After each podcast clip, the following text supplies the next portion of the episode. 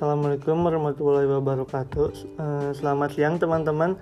Di pertemuan hari ini kami dari kelompok 7 akan membahas tentang rencana bisnis dan sistematika proposal PKMK.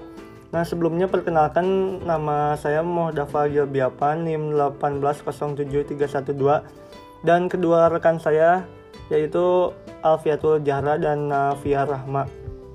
Nah, untuk materi yang pertama yaitu rencana bisnis. Perencanaan usaha atau bisnis yaitu keseluruhan proses tentang hal-hal yang akan dikerjakan pada masa yang akan datang.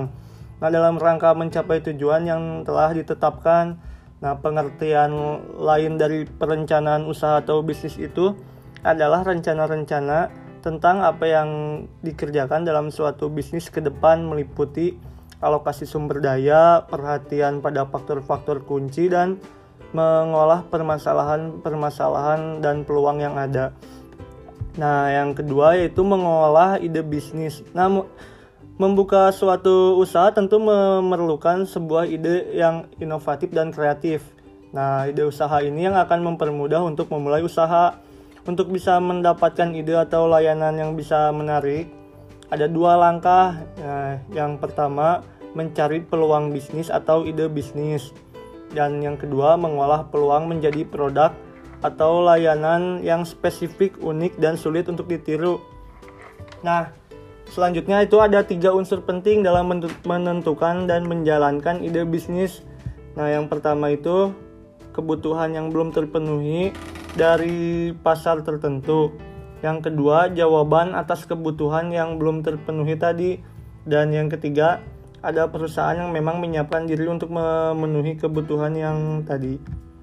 Nah, selanjutnya yang ketiga ada bentuk rencana bisnis. Nah, dalam bentuk rencana bisnis ini ada empat, yaitu yang pertama dokumen perencanaan. Nah, dokumen perencanaan ini berisi langkah-langkah pelaksanaan kegiatan bisnis, jadwal kegiatan, lama waktu yang diperlukan untuk sebuah kegiatan, sampai kepada sistematika anggaran yang akan dipakai di awal dan di akhir kegiatan. Dan selanjutnya yang kedua yaitu ada dokumen panduan eksekusi dan implementasi. Nah, di dokumen ini berisi timeline kegiatan implementasi dari rencana bisnis yang sebelumnya telah dirancang. Yang ketiga yaitu dokumen komunikasi kepada pihak pendukung usaha. Nah, dalam dokumen ini berisi hal pendukung untuk menarik pembeli atau pengamat usaha.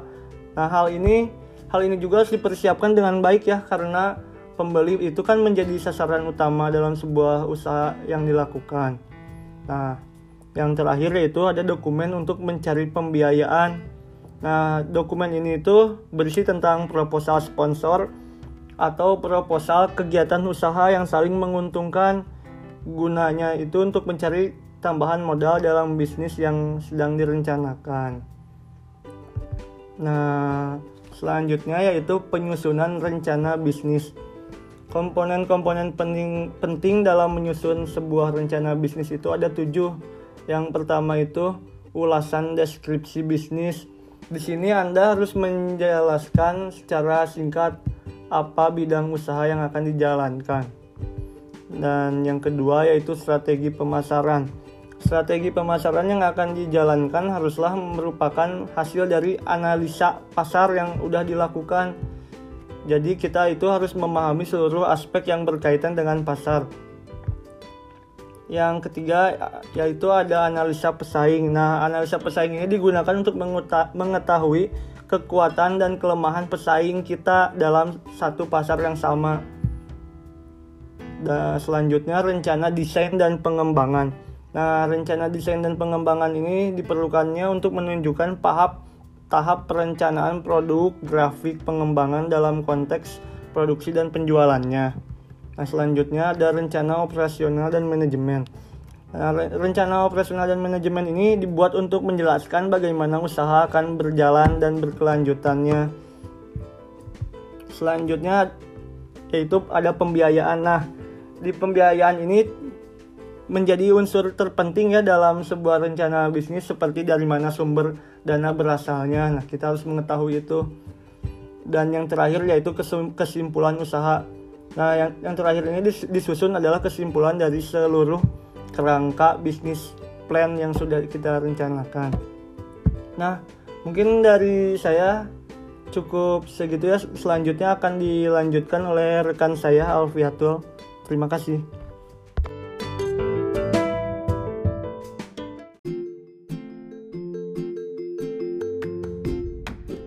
Bismillahirrahmanirrahim. Ya, perkenalkan saya Alfiatu Zahra, NIM 1805435. Di sini saya sebagai pemateri kedua yang akan melanjutkan presentasi dari pemateri sebelumnya. Nah, sekarang saya akan membahas mengenai sistematika proposal PKM kewirausahaan. Program kegiatan mahasiswa kewirausahaan yang biasa disebut PKM kewirausahaan ini tidak hanya berorientasi pada laba atau profit saja, tetapi dalam hal ini lebih mengutamakan jenis komoditas usaha yang menunjukkan kepakaran tim. Artinya lebih mengutamakan keunikan dan kemanfaatan komoditas usaha karena adanya muatan intelektual di dalamnya. Komoditas usaha yang dihasilkan oleh mahasiswa dapat berupa barang atau jasa, yang selanjutnya merupakan salah satu modal dasar mahasiswa dalam berwirausaha dan memasuki pasar. Nah, ada beberapa contoh komoditas yang bisa dijadikan PKM kewirausahaan, yaitu barang baru, modifikasi baru, buku, produk, IO, WO, konsultan, guru private sebagai layanan jasa, dan lain sebagainya. Jadi, PKM kewirausahaan ini tidak hanya kuliner saja yang memenuhi kriteria, karena pada dasarnya kuliner ini merupakan orientasi profit.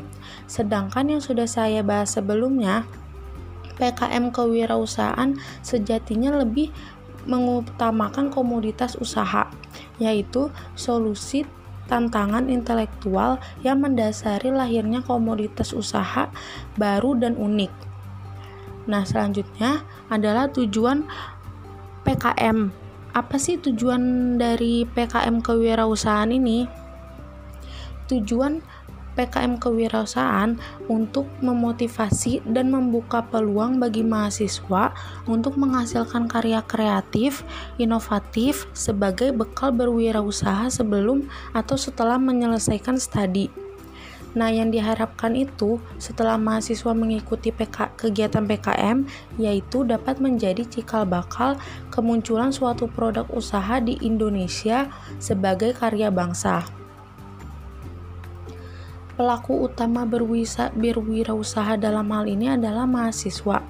Ya sudah pasti mahasiswa karena adanya kegiatan ini pun merupakan program yang diajukan untuk mahasiswa. Jadi masyarakat pihak lain sebagai seperti mitra itu hanya sebagai faktor pendukung saja. Nah, selanjutnya mengenai sistematika proposal kegiatan. Judul PKM tidak boleh menggunakan akronim atau singkatan yang tidak baku dan hanya diperbolehkan maksimal 20 kata untuk judul. Nah, ini merupakan syarat penulisan dari proposal PKM kewirausahaan. Jadi harus merujuk terhadap terhadap uh, terhadap file yang telah ditentukan. Selanjutnya, mahasiswa menyusun dan mengunggah proposal yaitu kelengkapan isi proposal tersebut, sampul dan pengesahan. Lalu, halaman utama, daftar isi, halaman inti dan lampiran. Dalam halaman inti seperti pendahuluan sampai dengan daftar pustaka yang di mana maksimum 10 halaman. Nah, setelah membuat proposal kegiatan, berkasnya diunggah ke simbol mawa dengan penamaan file yang sudah ditentukan. Nah, nantinya akan divalidasi oleh dosen pendamping dan disahkan oleh pimpinan perguruan tinggi di bidang kemahasiswaan. Nah, seperti itu pembahasan mengenai pendahuluan sistematika proposal PKM. Sekian pemaparan materi dari saya, kurang lebihnya mohon maaf. Pematerian selanjutnya akan dibahas oleh rekan saya, Navia Rahmat. Terima kasih.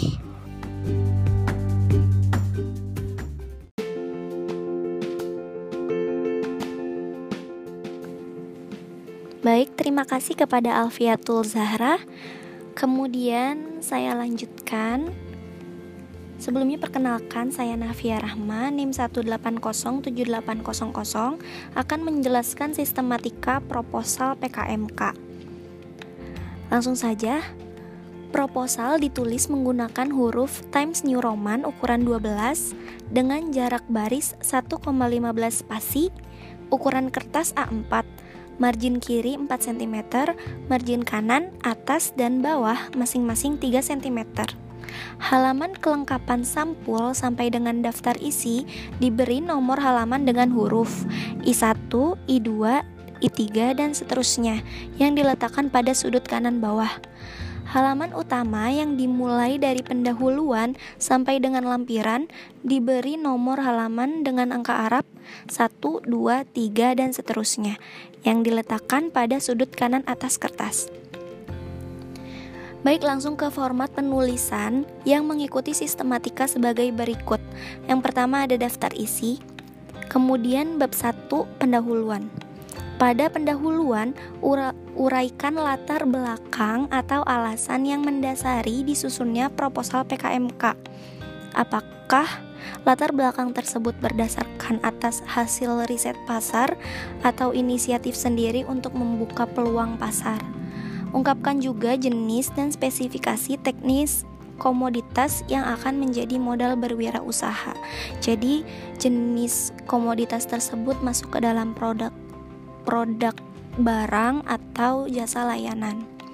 Kemudian bab 2 yaitu gambaran umum rencana usaha. Nah, pada bab ini uraikan kondisi umum lingkungan yang menunjukkan potensi sumber daya dan peluang pasar termasuk analisis ekonomi usaha yang direncanakan. Sajikan secara singkat untuk menunjukkan kelayakan usaha atau cash flow minimal untuk satu tahun ke depan yang dapat menunjukkan keberlanjutan usaha.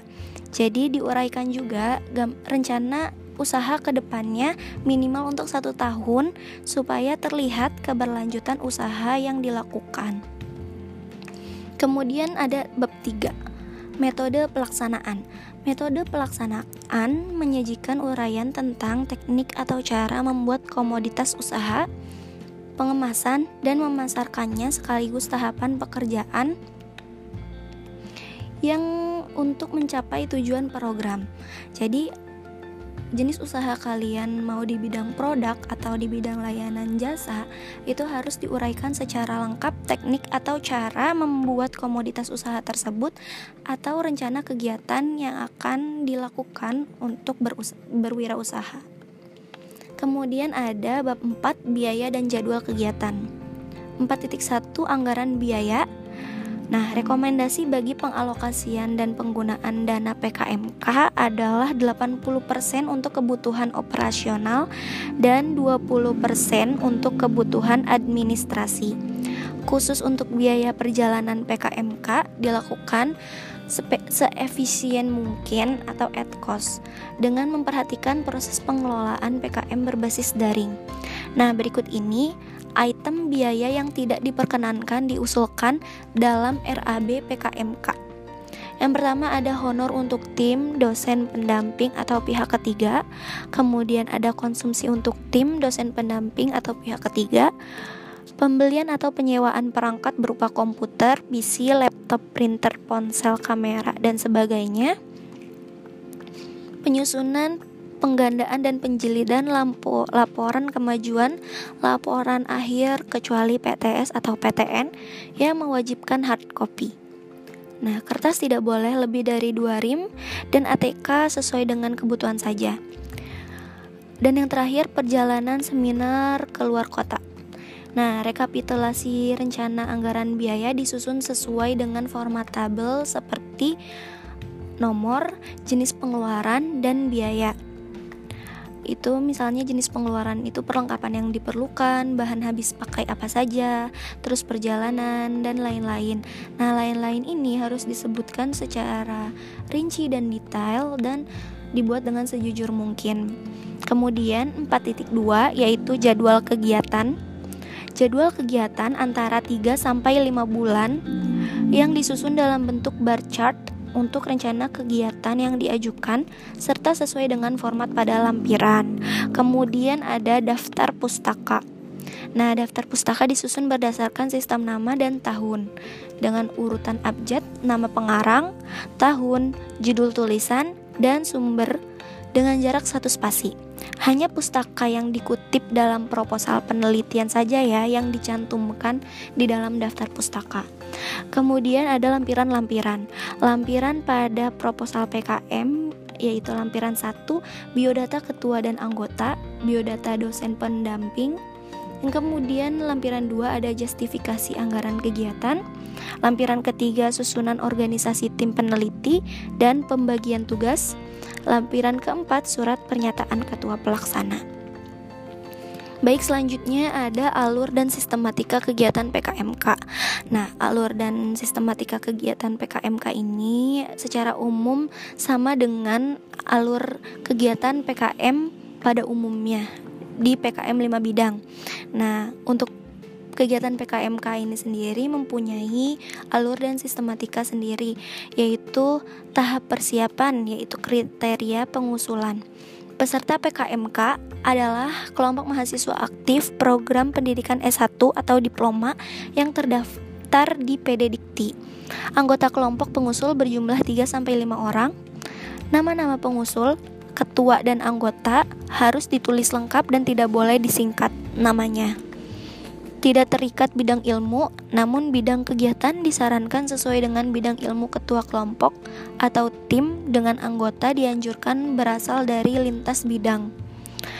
Kemudian, mahasiswa pengusul dapat berasal dari berbagai program studi yang berbeda atau dari satu program studi yang sama dalam satu perguruan tinggi yang sama.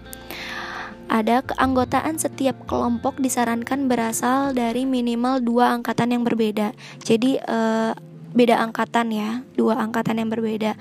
Misalkan 2018 dengan angkatan 2019 itu bisa. Kemudian besarnya dana kegiatan per judul itu berkisar antara 5 juta rupiah sampai dengan 12 juta 500 ribu rupiah untuk proposal pengajuan PKM yang kedua yaitu tahap pengajuan proposal PKMK. Setelah mahasiswa membentuk tim dan menentukan usaha apa yang akan direncanakan dan dilakukan, kemudian membuat dan mengajukan proposal PKMK. Ketika membuat proposal PKMK juga harus taat aturan yang berlaku pada pedoman PKM. Terkhusus pedoman PKMK Kemudian tahap selanjutnya yaitu tahap seleksi dan penilaian proposal. Seleksi dan evaluasi proposal dilakukan secara daring oleh pihak penyelenggara. Kemudian ada penilaian kemajuan pelaksanaan PKMK atau PKP 2 dan pelaporan. Pelaksanaan akan dipantau dan dievaluasi tim penilai dari Ditjen Belmawa dalam bentuk penilaian kemajuan pelaksanaan PKM yang sebelumnya disebut monitoring dan evaluasi atau MONEV. Nah, dokumentasi dan catatan pelaksanaan program diunggah ke Simbel Mawa secara berkala dalam bentuk unggah catatan harian atau logbook. Sebelum pelaksanaan PKP 2 ini berlangsung, tim pelaksana wajib mengunggah laporan kemajuan. Pada akhir pelaksanaan penelitian, setiap kelompok melaporkan hasil kegiatan penelitian dalam bentuk kompilasi luaran penelitian berupa laporan akhir, artikel ilmiah, dan produk program. Kemudian ada tahap membuat laporan kemajuan kegiatan, membuat laporan akhir kegiatan, membuat artikel tentang kegiatan, dan yang terakhir itu membuat poster kegiatan guna presentasi di PIMNAS. Nah, tahapan ke 5, 6, 7 dan 8 ini dari membuat laporan kemajuan kegiatan sampai dengan membuat poster itu ketika proposal PKMK yang tim mahasiswa ajukan itu lolos seleksi dan penilaian evaluasi proposal PKMK. Jadi ketika lolos uh, tim harus bertanggung jawab atas usaha yang akan mereka jalankan dengan membuat laporan kemajuan kegiatan, laporan akhir kegiatan, dan membuat artikel serta poster guna untuk presentasi usahanya di kegiatan PIMNAS nanti. Baik, segitu saja sistematika proposal PKMK. Anda bisa lihat di pedoman PKMK 2020 secara lengkap. Dan terima kasih semangat untuk membuat proposal PKMK yang akan lolos PIMNAS. Terima kasih dan sekian. Wassalamualaikum warahmatullahi wabarakatuh.